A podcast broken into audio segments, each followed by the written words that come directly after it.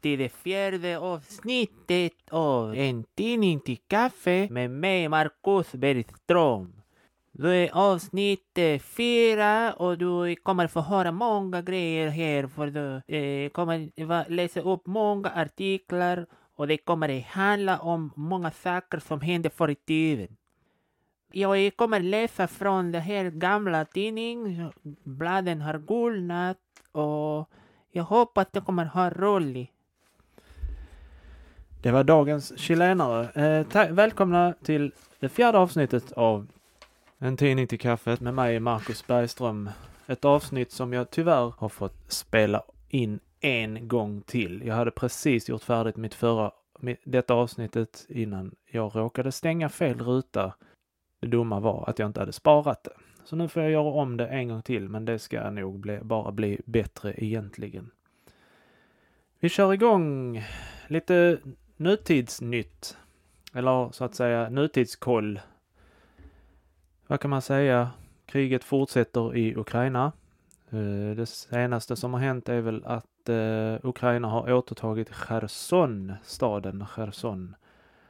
Eh, där Ryssland har suttit och bajsat i förskolor och använt, som, som alla andra städer har de använt hus som tortyrkammare. Och förstört eh, alla, de förstör ju i princip alla städer de har varit i. Men det är så det är i krig, tydligen. Men ingen är ju med Ryssland egentligen i detta. Det är ju en helt patetisk, det är ett patetiskt krig som har fått hemska konsekvenser. Eh, I Sverige, det blåa blocket har eh, fortsätter med att bortse från miljöhotet genom att avveckla många saker som miljöbilsbonus. Bränslepriserna vet vi ju, de åker upp och ner som att eh, det är en eh, flygande mattan på tivoli. Upp och ner på grund av dittan och dattan. Och världsmarknadspriset och dittan och ja, ni vet själva. Och jag vet även att Jimmy Åkesson har till och med sagt i en, eh, en intervju att klimatkris är ett lite väl starkt ord.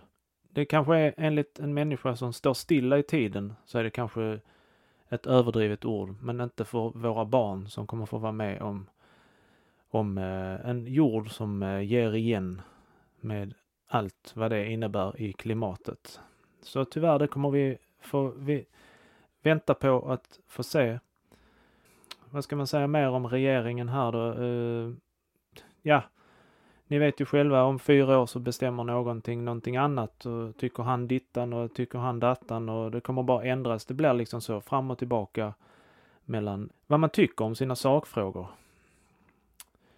I USA, där eh, har republikanernas succé uteblivit men de har nog vunnit. Jag tror de just nu, om inte valet är avgjort så, vin, så leder de just nu med typ 1 procent. 1 procents marginal över Demokraterna. Det är det här mellanårsvalet. Eh, vi kan ju fråga, jag tycker vi gör så här, vi, eh, vi bjuder in Göran Greider här i studion. Eh, han har faktiskt kommit för att hälsa på. Jag vet inte ens hur han har fått reda på att eh, denna podcasten finns. Jag, jag har inte ens gjort reklam för den. Men eh, välkommen in Göran. Jo, tack så mycket, tack så mycket, tack. Eh, du, du har kommit hit för att eh, tycka till om eh, den nuvarande regeringen. Vad tycker du? Ja, vi, vi kan bara börja lite snabbt. Vad tycker du om vad tycker du om den nuvarande regeringen, den blåa, det blåa blocket som sitter med Ulf Kristersson i förarsätet? Jo, vad ska man säga? Det är, man kan ju tycka att uh, Ulf Kristersson har ju visat på många olika sätt. Han, han tycker, tycker det är kul att gå ut och jogga. Han tycker det är kul att styra en, en hel regering. Och han tycker även att, uh, att uh, Annie Lööf inte passar in i det hela. Och kan vi se om röda blocket, röda blocket har ju besviken med, med sina stora av och nedskärningar och utvisningar av kurderna och, och det tycker jag är väldigt, väldigt tråkigt. Okej, men eh, vad har du att säga om eh, det här uttalandet som eh, Jimmy Åkesson eh, hade om att klimatkris är ett lite väl starkt ord. Han tycker mer att någon kris tyckte han inte att det var i alla fall. Ja, vad ska man säga om det? Det är ju bara, det är bara att beklaga. Han, han tycker ju mycket och ja, vad ska man säga? Jag, jag, jag kan inte säga så här. När, när förra statsministern satt på plats, då var det mycket som hände. Det var mycket och det fanns ju även saker att klaga på det där. Men jag menar, jag kan tycka att eh, inom mitt parti så, så har vi satsat på, på infrastruktur och det är det viktigaste att vi får vanliga människor att gå från jobbet från A till B och sen vidare och upp och ner. Och du vet, det är ju på min tid när jag var yngre, då, på 40-talet, då var det då var det liksom, man skulle arbeta för sina pengar och sen kommer man hem varje dag och, och liksom la sig i soffan och, och tog det lugnt. Okej, men eh, hur eh, tycker du att lösningen är då? Ska vi liksom, ska vi bara sitta och titta på medan klimatet eh, förstörs? Jo, jag har ju inga riktiga åsikter om klimatet. Jag tycker bara om att sitta hemma i min kolonilott och odla rädisor och plocka kantareller när eh, lusten faller på. Ja, men då får vi be att tacka för, om din åsikt här och eh, ha det så bra. Jo, tack så mycket, tack så mycket. Nu ska jag hem och, och plocka lite champinjoner under köksträdgården och under insteget, eh, första insteget till min trätrappa. Ha det bra! Tack så mycket Göran, tack så mycket. Det är väldigt snällt av honom att komma hit och tycka till. Vi börjar med eh, de första nyheterna här i tidningen. Det är som vanligt Smålandsbygdens tidning. Eh, från 1940 har vi kommit fram till nu. Eh, det har väldigt många nummer från 1940, väldigt många från 1941 och ett par stycken från 1942. Så vi börjar med den första nyheten. Det är ganska många nyheter jag har att läsa upp här idag. Tänkte vi kör igång med en liten lättviktare här. Det, är, det handlar om eh, en torka som har varit i Sverige just nu vid denna tiden, 19 juni. Eh, jag tänker inte läsa hela avsnittet för att det är väldigt långt och det har är mycket detaljer som inte är så intressant. Men jag börjar och läser här. Vad jorden giver i år. Torkan skrämmande, lantbrukare i Östbo och Västbo om utsikterna. Då det gäller vår inre beredskap är väl frågan om årets skördeutsikter för närvarande av den mest vitala art som tänkas kan. Vad beträffar Västbo och Östbo härader kan givetvis ej brödsädesodlingen direkt skjutas i förgrunden, men å andra sidan icke heller tillmätas en helt underordnad betydelse. För att erhålla jordbrukarnas egna omdömen om hur försörjningen till denna del för framtiden ter sig i dessa båda härader har tidningens medarbetare vänt sig med en rundfråga till några erfarna och omdömesgilla lantbrukare inom dessa orter. Lantbrukare Theodor Johansson, Vecklinge, Räftele, som förutom sitt ordinarie kall för närvarande har händerna fulla av arbete i egenskap av inkvarteringschef för Möllers sommarbarn, anser inledningsvis att om vi skola tala om vårbruket så måste vi erinra om vinterns myckna snö, som nog alla i friskt minne har i friskt minne trots den nuvarande goda sommarvärmen. Snön bar emellertid skulden till en något försenad vår. Den blev i alla fall inte så särskilt sen, fortsätter herr Johansson, än när vi inte är vana vid så värst tidiga vårar. Vårbruket gick ganska bra, till och med vad arbetskraften beträffar. Visserligen var det en del lantbrukare som fingo anlita arbetsblockens hjälp, men väderleken gynnade och underlättade arbetet på ett förträffligt sätt. Höstrågen har övervintrat förhållandevis bra med enstaka undantag. Höstvetet har däremot stått sig sämre, men det odlas heller inte någon större utsträckning, i någon större utsträckning. Vårsäden har grott jämnt och ser synnerligen lovande ut och gräsvallarna har också stått sig bra på fuktigare och bättre jordar, då däremot torkan börjat att utmärka fläckan på mera karga och höglänta jordar. Kommer det ej ett riktigt regn snart äventyras vårsäden och höskörden kan anses bli mycket under det normala. Det är som sagt regnet som är det avgörande nu om vi skola få en medelgod skörd, slöt herr Johansson.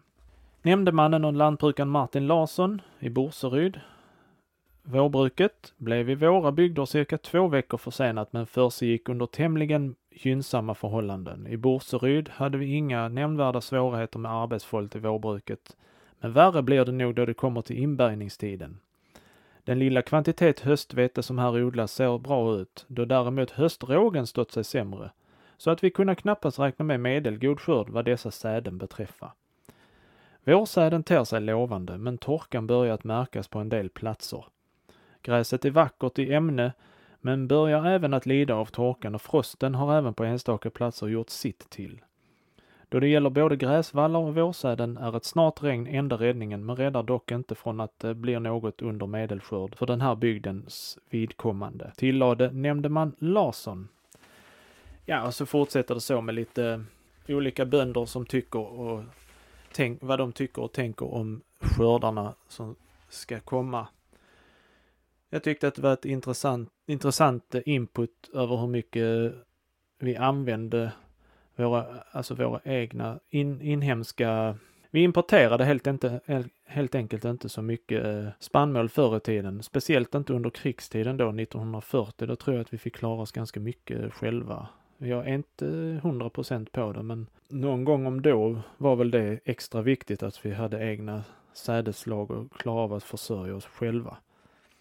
Det är ju en liten rolig, ja som sagt, en rolig input i hur, hur beroende är vi idag av globala spannmål liksom. Det är alldeles för mycket. Vi borde lära oss att klara oss lite bättre själva kan man tycka. Tyvärr blir ju bönderna lite motarbetare, motarbetade och det är mycket avgifter och mycket skatter och mycket pappersarbete när vi egentligen bara behöver ut och odla så mycket vi kan.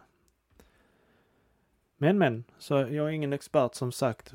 Eh, vi går vidare till lite lättsammare nyheter. Det är några små nyheter i klump. Det handlar om ett patent. Artikeln lyder Patenten.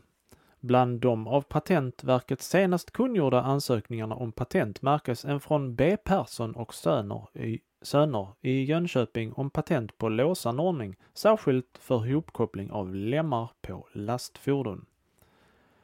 Ja, får vi hoppas de lyckades med det och att vi har använt dem i framtiden. Kanske det är de som sitter på lastbilssläp nu för tiden, det vet, man, vet inte jag.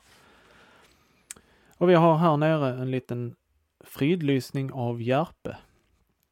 Enligt den nu utfärdade kungörelsen om fridlysning av dess, vissa djurarter har bestämts att Järpe tills vidare under hela året ska vara fridlyst, bland andra Skaraborgs, Kronobergs, Jönköpings och Östergötlands län. Får vi hoppas att den återhämtade sig, Järpen, jag kan inte på rak arm säga vad en järpe är, men jag ser för mig, framför mig en sån liten ripa eller något sånt. Eh, en annan nyhet är en söndagsskolfest som hölls på söndagen å sommarhemmet Klinten, dit Jönköpings evangeliska missionsförening inbjudit söndagsskolbarnen med deras föräldrar till en enkel festlighet. Disponent G Landén hälsade de närvarande som säkerligen räknade 500 personer välkomna. Efter sång och musik talade pastor Ture Elm och Fritz Hägg. Det var en liten rolig sammanslagning av några nyheter. Vi går vidare med lite världsnyheter här i Smålandsbygdens tidning. Här längst uppe på sidan läser man, eh, står det två fyrkanter med text bredvid Smålandsbygdens tidning. Det står Utmärkt annonstidning för tillkännagivanden, särskilt till landsbygdsbefolkningen. Och i den andra fyrkanten står det Utförliga och snabba, snabba nyheter från länet samt från in och utlandet i Smålandsbygdens tidning. Ganska fint inramat. Ja, det handlar om Hitler och Mussolini. Man ser en bild på dem här när de sitter i någon bil och skrattar tillsammans. Det fanns tydligen mycket att skratta om. Eh, det står med stora, stor text här. Det, hela denna sidan handlar ju om andra världskriget. Står med tor, stor text här. Kort möte avgjorde Frankrikes öde. Hitler och Mussolini enades snabbt om villkoren för fred. Nytt Münchenmöte igår av världshistorisk betydelse. Eh, München den 18 Hitler och Mussolini enades under sin överläggning här på tisdags eftermiddagen om de båda förbundna regeringarnas ställningstaganden till Frankrikes begäran om vapenstillestånd. Överläggningarna fördes till klockan 18.30 i enrum varefter de båda ländernas utrikesministrar och de båda representanterna för ländernas krigsmakt tillkallades. Efter avslutade överläggningar har Hitler och Mussolini åter avrest från München.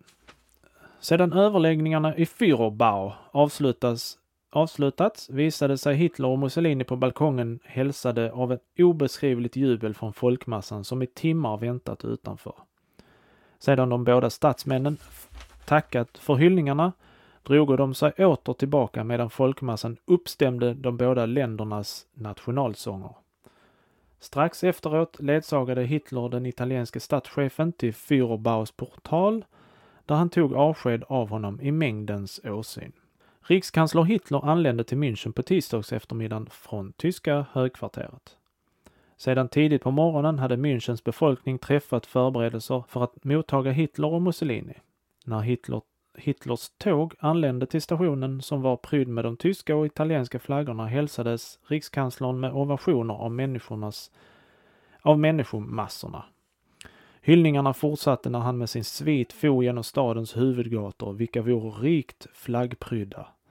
Täta led av människor hälsade rikskanslern, som nu för första gången återvänt till Tyskland efter de segerrika striderna i väster. Och här står lite om Mussolini längre ner. Det står Mussolinis resa, en hyllningsfärd. Innsbruck den 18. Omkring klockan 12 anlände Mussolinis extratåg till huvudbangården i Innsbruck som var festligt smycken med tyska och italienska flaggor. En stor människomassa hyllade den italienska regeringschefen som vid Brenner hälsats välkommen till Tyskland av riksståthållaren i Tyrolen och Vorarlberg, Franz Hofer, och protokollchefen sändebudet von Dörnberg. Alla platser längs järnvägen vore flaggprydda. Under oupphörliga leverop steg Mussolini ned på perrongen i sin fältgrå uniform och gick medan de italienska och tyska nationalsångerna spelades framför fronten av de paraderande hederskompanierna. Slut där. Ja, det är ju såklart, såklart väldigt mycket om andra världskriget. Det är ju som jag förklarat i något gammalt avsnitt här eh, att det är därför folk har sparat många av sina tidningar. Eh, det är därför jag lyckats få tag på många där det är mellan 1939 och 45. Sen slutar man prenumerera på sina tidningar av några anledningar och ja, på den vägen är det. Det är inte så många som har sparade gamla tidningar tyvärr. Nu kan man ju visserligen gå in på Kungliga bibliotekets hemsida och läsa läsa gamla tidningar där också, men jag tycker inte det är riktigt samma charm. Men jag kommer nog göra det i framtiden. Ja, och vidare här handlar det lite om vad Churchill, eh, Churchill eh, har uttalat sig här i England. England har garderat sig mot det franska nederlaget, står här. Har lyckats taga hem största delen av sina trupper. Churchill deklarerar sin tro på seger inför underhuset.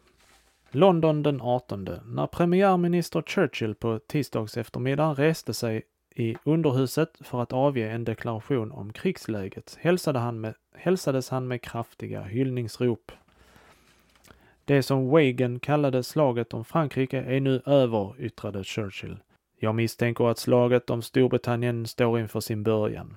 På detta slag beror det om den kristna civilisationen skall överleva. Hitler vet att han måste besegra oss på denna ö eller förlora kriget. Om vi kunna hålla honom stången kan hela Europa befrias och världens liv återkomma in i en solskensperiod. Men om vi misslyckas kommer hela världen, inklusive Förenta Staterna, att sjunka ner i en ny mörkrets period. Låt oss sluta oss samman i vår plikt och uppträda på ett sådant sätt att om det brittiska samväldet och imperiet består i tusen år man då alltjämt ska kunna säga att den nuvarande tiden varit dess stoltaste stund. Ja, ganska typiskt Churchill-tal. Han var ju ganska duktig retoriker får man väl säga. Ja, och detta här handlade väl om, eh, eh väl, det handlade om eh, den tyska invasionen av Frankrike. Eh, det var strax innan den här vapenvilan trädde i kraft den 25 juni mellan Frankrike och Tyskland. Och efter det så blev Frankrike eh, ockuperat till eh, landstigningarna, ni vet de berömda landstigningarna 1944. Sen dröjde det ju tack och lov inte långt, länge till innan Hitler försvann och andra världskriget slutade. Ja, det var en hemsk tid. Men eh, ni kommer ihåg den här serien kanske som gick på, om det var 80 eller 90-talet. Jag tror det var 80-talet, den här Allo, allo, hemliga armén. Det är ju den, det handlar ju om den fransmän i, eh, i eh, det tyskockuperade Frankrike. Kommer ni ihåg den engelska konstapeln som kom in och så sa han Good morning. Och så var det en gammal man som klädde ut sig hela tiden fast alla kände igen honom. Det var, ganska, det var en ganska rolig serie faktiskt. Ja, vi går vidare. Uh, nästa artikel som heter Några glimtar ur sjukvårdens historia. Jag tänkte läsa något utdrag här och den allra sista stycket där de beskriver, ja, ni får höra helt enkelt. Eh, den börjar så här. Ännu 1775, inte ett lasarett i Jönköpings län. I Tidskrift för Sveriges sjuksköterskor har syster Elsa Persson bidragit med en artikel byggd på äldre arbeten om sjukvårdens historia. Artikeln, som främst berör förhållanden inom Jönköpings och Kronobergs län, ger en livlig föreställning om sjukvårdens glänsande utveckling från 1700-talet fram till våra dagar. Medicinalstyrelsen hette som vi veta under 1700-talet Sundhetskommissionen eller Sundhetskollegium heter det bland annat i artikeln. Den hade liksom nutidens medicinalstyrelse att övervaka hälso och sjukvården i riket. Men i början av 1700-talet funnits i hela riket icke mer än nio provinsialläkare, vilket antal är 1700, år 1738 ökat till 12, varför en provinsialläkare hade ett distrikt omfattande till exempel både Jönköpings och Kronobergs län, vilket med dåtida kommunikationsmöjligheter självklart betydde att hälso och sjukvårdskrav måste ställas på en blygsam nivå. Visserligen funnits på, sin, på sina håll fältskärer, men dessa vore ofta ytterst okunniga och liksom befolkningen i övrigt benägna för diverse mystiska kurer. En provinsialläkare skriver för att erhålla en gesäll följande. Och det här vågar jag inte ens ge mig in på att läsa för det är på 1700-talet skrev man inte likadant som idag. Uh, hade jag läst detta hade jag hackat mig i varenda mening här kan jag säga. Utan det är bara en, uh, jag får sammanfatta det, det är en uh, Ja, det är ju den här läkaren då som eh, skriver om att eh, han skulle vilja utbilda en fältskärare till att utföra vissa operationer med kirurgi som han blev upplärd av då, denna läkaren. Att den här fältskäraren skulle kunna skickas iväg och utföra de här operationerna via, genom den här läkaren. Och eh, det är det han skriver om att han skulle vilja göra. Vi läser den sista biten här. Eh, länen gjorde sig dock ingen brådska att utnyttja denna tillåtelse och landshövdingen i Jönköpings län fick en ganska amper skrivelse från Kungliga Majestätet för att han ännu 1775 inte låtit inrätta något lasarett i länet. Skrivelsen hade till följd att förslag till sådant uppgjordes av Provincialmedicus Volin. Bland de fordringar denne uppställer heter det det bör utses en gård på ett sunt ställe där varken blåsväder för mycket intryck göra eller är för mycket kvalm och inspärrad luft som är skild från andra bebodda gårdar och dit sjuka lätt kunna föras och läkare utan kostnad och för mycken möda de kunna besöka. Där bör vara både under och överrum, helst på två sidor och kolgård där behövliga medicinalväxter och nödiga jordfrukter till mat kunna kultiveras. Till 16 sjuksängar erfordras fyra sjukkammare, ehuru flera i vart rum vid vissa passioner kunna inrymmas. Utom dessa rum ska vara ett rum åt andra sköterskor och ett kök. Därnäst en kammare åt Medici, varest skåp och kontoar avplankas till apoteket. Och där var det slut. Det står här under till att fortsättning i ett kommande nummer. Ja, det var en liten inblick i hur svårt det var att klara sig på den tiden. Vi får vara glada för det vi har idag faktiskt, tycker jag. Nu, mina damer och herrar, har det blivit dags för det jag kommer att nu kalla för dagens dåtida rätt.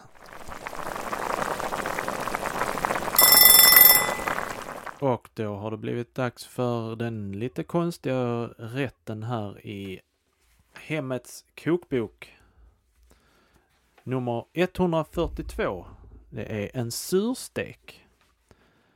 Sur som i citronsurstek. För 12 personer. Vi behöver 3 kilo innanlår av oxe, 3 liter dricka, 6 deciliter utspädd ättika. Vi behöver smör, salt, sås. Då behöver vi fett av köttsky och några matskedar mjöl. Sen behöver vi bland annat vitpepparkorn, socker, späck och lite kokande vatten till. Och för köttsky så behöver vi en deciliter grädde. Hur gör man detta, denna fantastiska rätt då? Eh, jo, det gör man så här. Beredning. Köttet tvättas, bultas lätt och lägges i en lag av drickat, ättikan, sockret och pepparn. Kallt sammanblandat. I denna lag får steken ligga 12 till 14 dygn. Den förvaras kallt. Den tages därefter upp, sköljes hastigt och torkas väl, späckas samt stekes som vanlig, vanlig grytstek. Köttskyn silas och skummas och såsen bereder, beredes enligt allmänna regler för såser, sidan 291.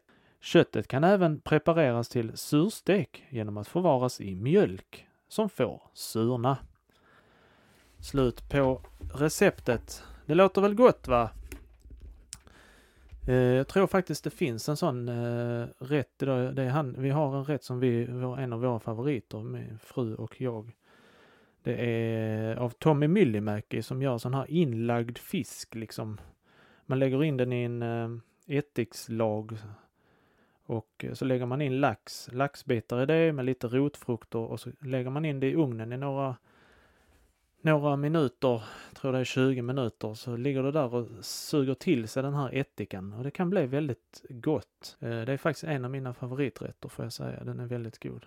Och som av en händelse så har faktiskt Edvard Blom tittat in, ni vet den kände mathistorikern Edvard Blom.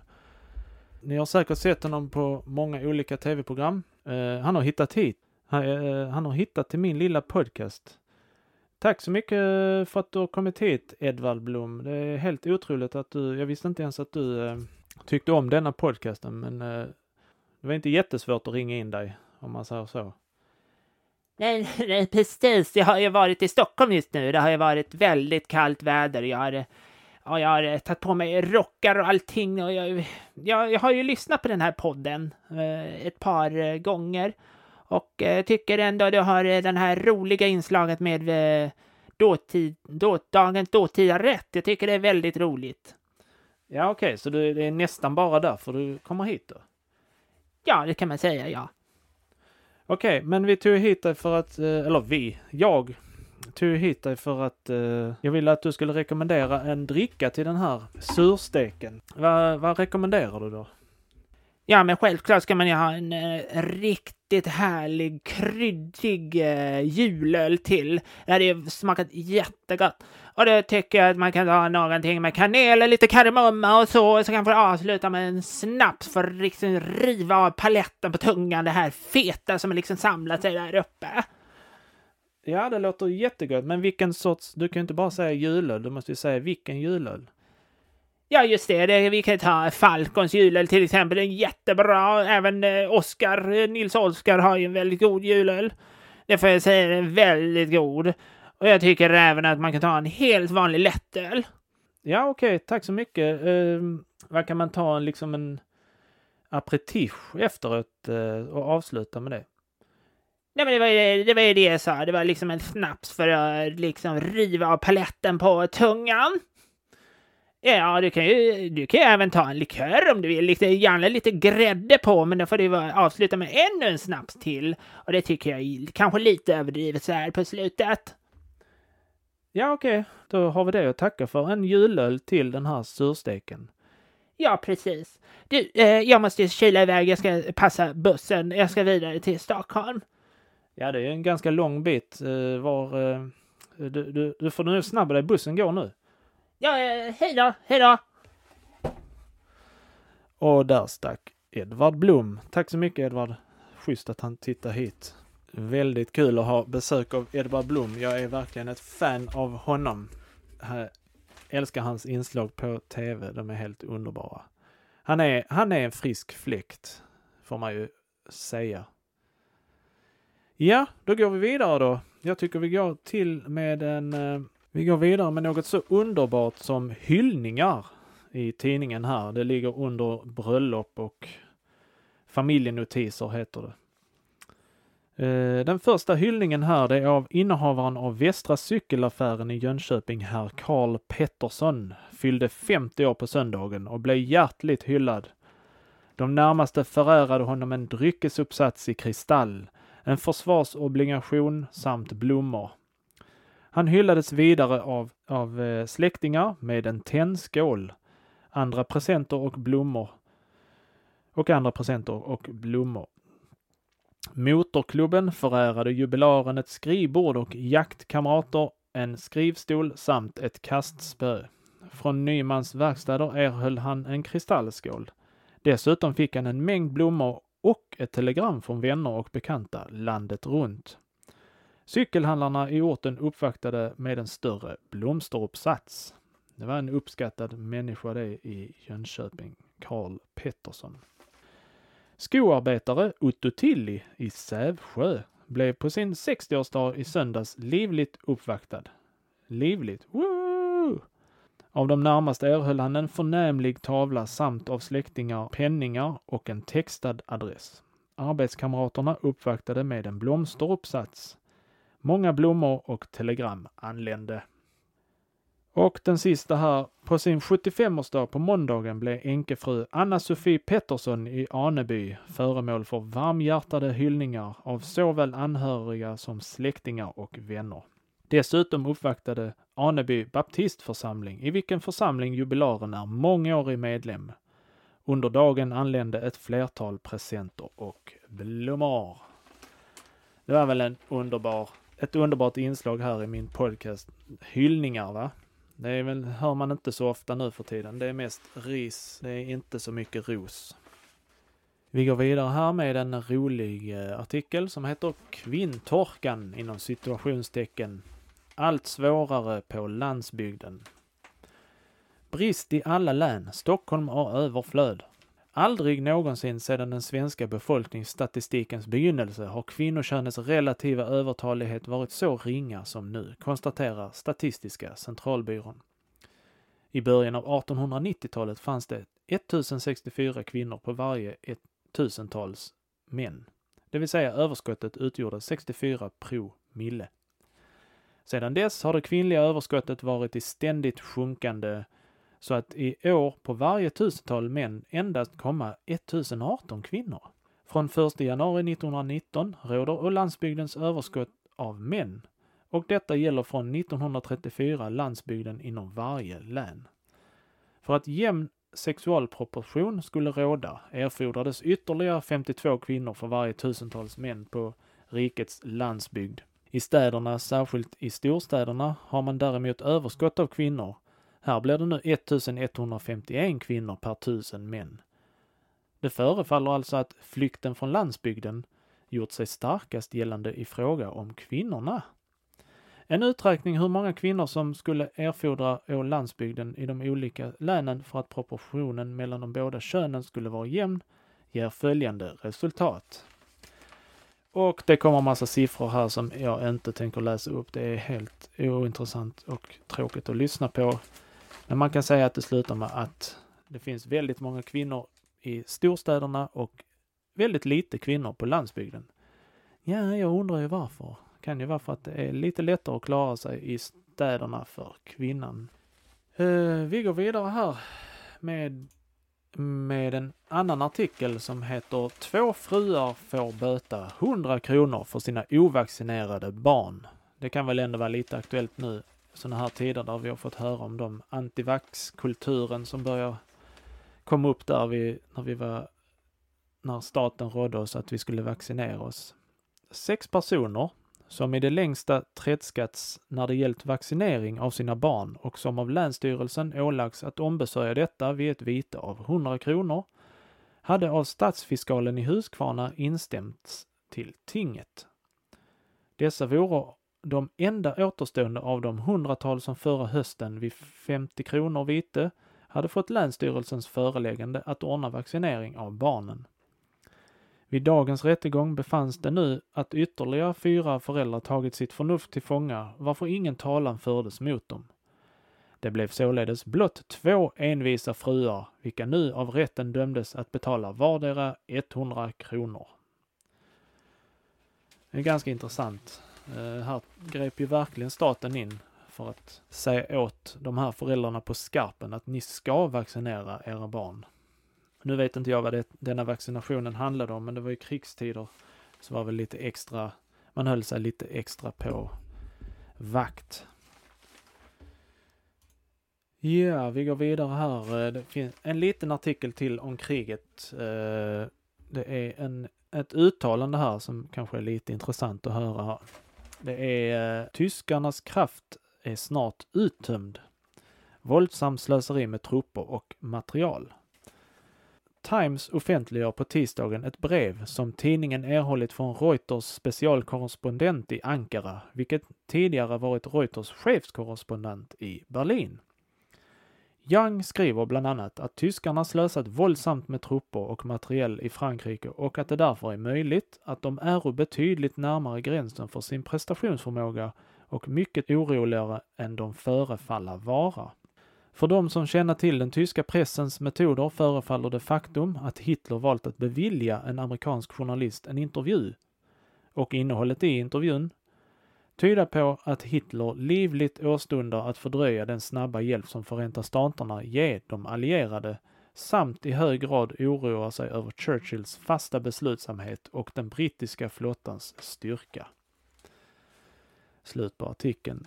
Ja, det vet vi ju tyvärr så här i efterhand att det stämde ju inte. Tyskarnas kraft tog några år till innan den helt kapsejsade kan man säga. Det var väl inte från 1942 någonstans där som vi insåg att eh, tyskarna antagligen insåg att kriget inte kunde vinnas.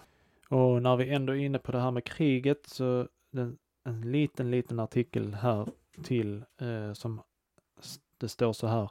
Frankrike kan ej köpslå om sin själ. Den franska radion meddelade igår att den påvlige nuntien i Frankrike, Monseigneur Valerio Valeri, torde fungera som mellanhand mellan de franska och italienska regeringarna. Vidare förklaras att Frankrike icke kommer att gå med på en vanärande fred. Landet kommer aldrig att kunna överge sin andliga frihet eller köpslå om Frankrikes själ. Vilka lidande civilbefolkningen än får utstå måste den främst tänka på de övermänskliga strid, den övermänskliga strid våra soldater strida för att rädda arméns ära. Det franska kabinettet sammanträdde på tisdagsförmiddagen under marskalk Petins ordförandeskap. Då, nu får det räcka med krigsnyheter här. Eh, vi går vidare med eh, två korta nyheter här i Stockholm, båda två. Landstormsman svårt skadad vid sprängning. Jag vet inte vad en landstormsman är, men jag antar att det har någonting med bergsprängning att göra. Det, det står så här. Under sprängningsarbete i Stockholms skärgård på tisdagen blev en landstormsman svårt skadad av en sten som med stor kraft träffade honom i huvudet. Flygambulans förde den skadade till Hägernäs varifrån han fördes till Stockholms läns centrallasarett. Där konstaterade att han fått brott på skallen med intryckning av pannbenet. Hans tillstånd betecknas som synnerligen allvarligt. Den skadade heter John Wallin, är något över 40 år och uppges vara från Stockholm. Ja du, John Wallin, jag tycker faktiskt att du förtjänar denna titeln som veckans viking.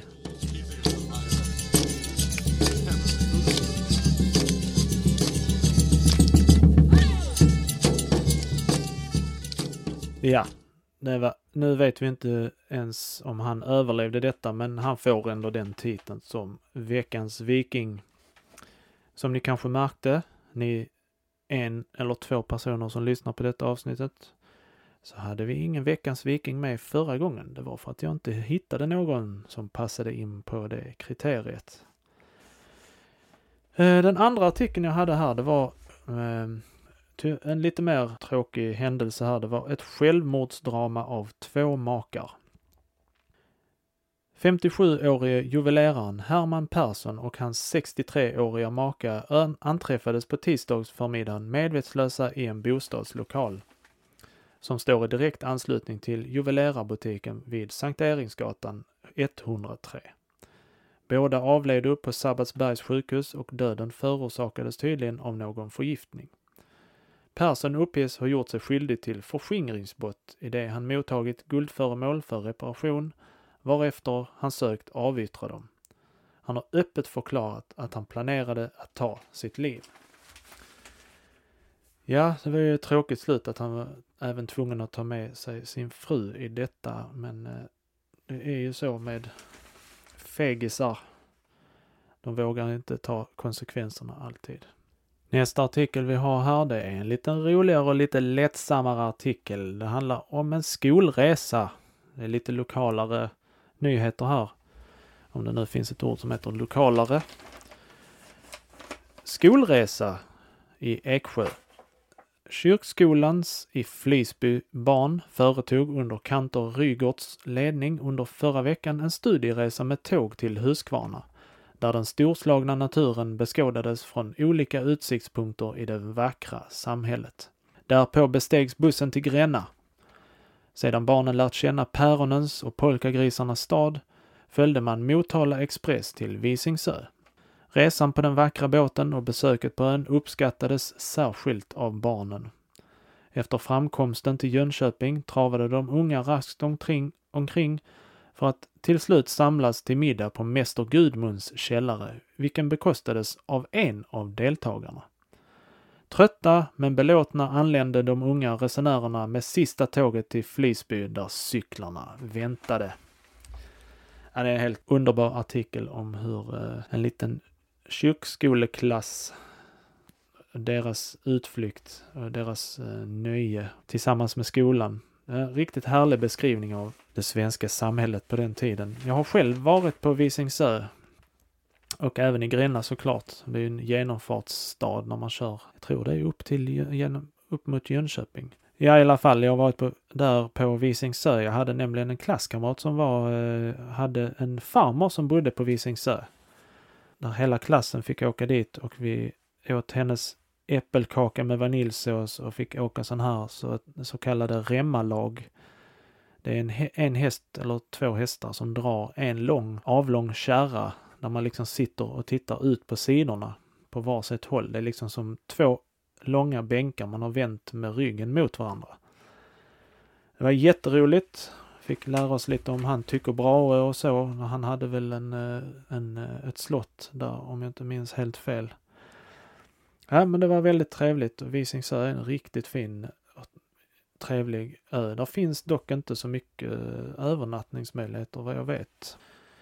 Ja, ja, vi går vidare här med den, eh, eh, jag tror det blir den sista artikeln här. Det är en artikel om Fosserum. Fosserums Folkets Park. Imorgon torsdag klockan åtta eftermiddag giver Elis Engström med sällskap makalösa Efraim. Man försäkrar att det blir en rolig afton igen. Därpå tvivlar heller ingen när direktör Engström står för rusthållet.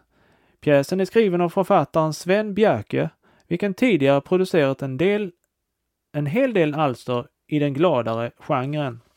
Makalösa Efraim gör inget anspråk på litterärt värde. Dess handling är uteslutande avpassad för en publik som önskar en glad afton. Av denna orsak är den också lämplig en danskväll i Folkets park, då den verkligen är berättigad som un underhållning. Den publik som därför önskar en glad kväll, fri från tårar och problem, ska passa på att se Makalösa Efraim. Förköp av sittplatser som vanligt. Så kunde det se ut i Folkets park på den tiden. Nu är vi klara, mina damer och herrar. Vi har inte någon, någonting kvar här. Vi har, jo, vi kan ta några annonser här innan vi avslutar. Man kan köpa prima grisar, står det här och så har de ritat en liten tjock gris bredvid här.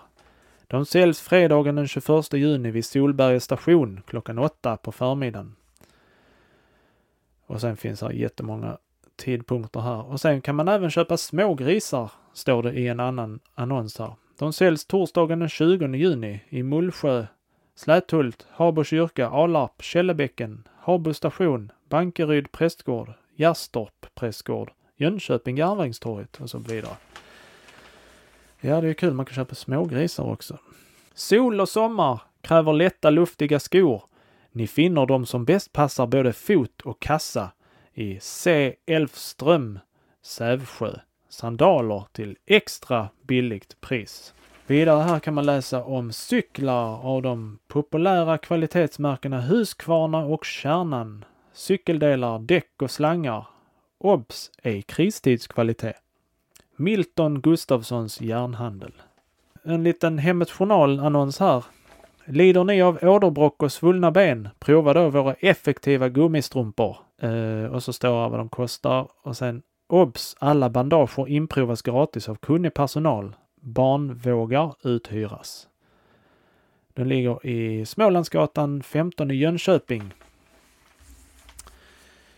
Sen finns här en liten reklamsnutt här om ång ångbåtsturer.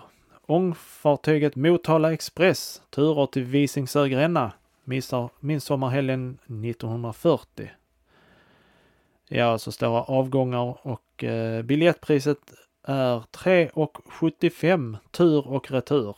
Eh, man kan eh, rödmåla hus och ladugårdar med patent dubbelstark röd oljeslamfärg. Fullt smetfri, oljemättad med linolja, innehåller betmedel mot svamp och röta. Vi föra alla slag av färdiglagade rödfärger och oljefärger av förnämsta prisbelönta fabrikat. Våra hundratals belåta kun belåtna kunder från i fjol intygar dessa färgers oöverträffade kvaliteter. Efterhör våra priser innan ni köper från annat håll. AB Oskar Jonsson, Missionsgränd 3 i Jönköping. Och så kan man även låna staten sina pengar eh, med försvarslånet Fosterländsk gärning, bra placering. När du tecknar dina för försvarslånet lånar du, statens peng lånar du staten pengar. Du får god ränta, 4% och pengarna tillbaka om fem år. Teckna vad du kan på försvarslånet. Gå till närmaste riksbankskontor, bank, sparbank, postanstalt, fondkommissionär eller teckna hos Riksgäldskontoret. Ja, vi kan väl ta en till här. Um, sommar och semesterutrustningen. Det är ju sommar, då ska man ju klä sig. Ur vårt välförsedda lager kan ni välja ut allt materiell för såväl sommarklänningen, stranddräkten, badkappan, shorts med mera. Klänningar, blusar, underkläder, strumpor, handskar, vantar, scarves. Centralaffären. Och den finns i Gislaved, Värnamo och Anderstorp. Ja, då säger vi så för idag mina damer och herrar. Eh, tack så jättemycket för att ni orkade stanna kvar och lyssna. Lyssna på min jobbiga röst och små komiska inslag här. Nästa vecka tänkte jag att vi skulle göra eh, ett litet, det är det femte avsnittet. Och jag tänkte att jag skulle läsa ur någonting annat än Smålandsbygdens tidning. Jag har några andra, eh, jag tror det blir Ystads Allehanda. Det kanske blir lite andra nyheter då. Så ni får jättegärna lyssna på det avsnittet. Det kommer bli både roligt och informativt. Jag hoppas att ni har tyckt att detta var roligt att lyssna på. Eh, så tills nästa gång får ni jättegärna mejla mig och skriva till mig eh, vad ni tycker och om ni har några förslag eller om ni vill gratulera mig till mitt att jag har klarat av att göra ett avsnitt till. Så till nästa gång, ha det gott, hej då!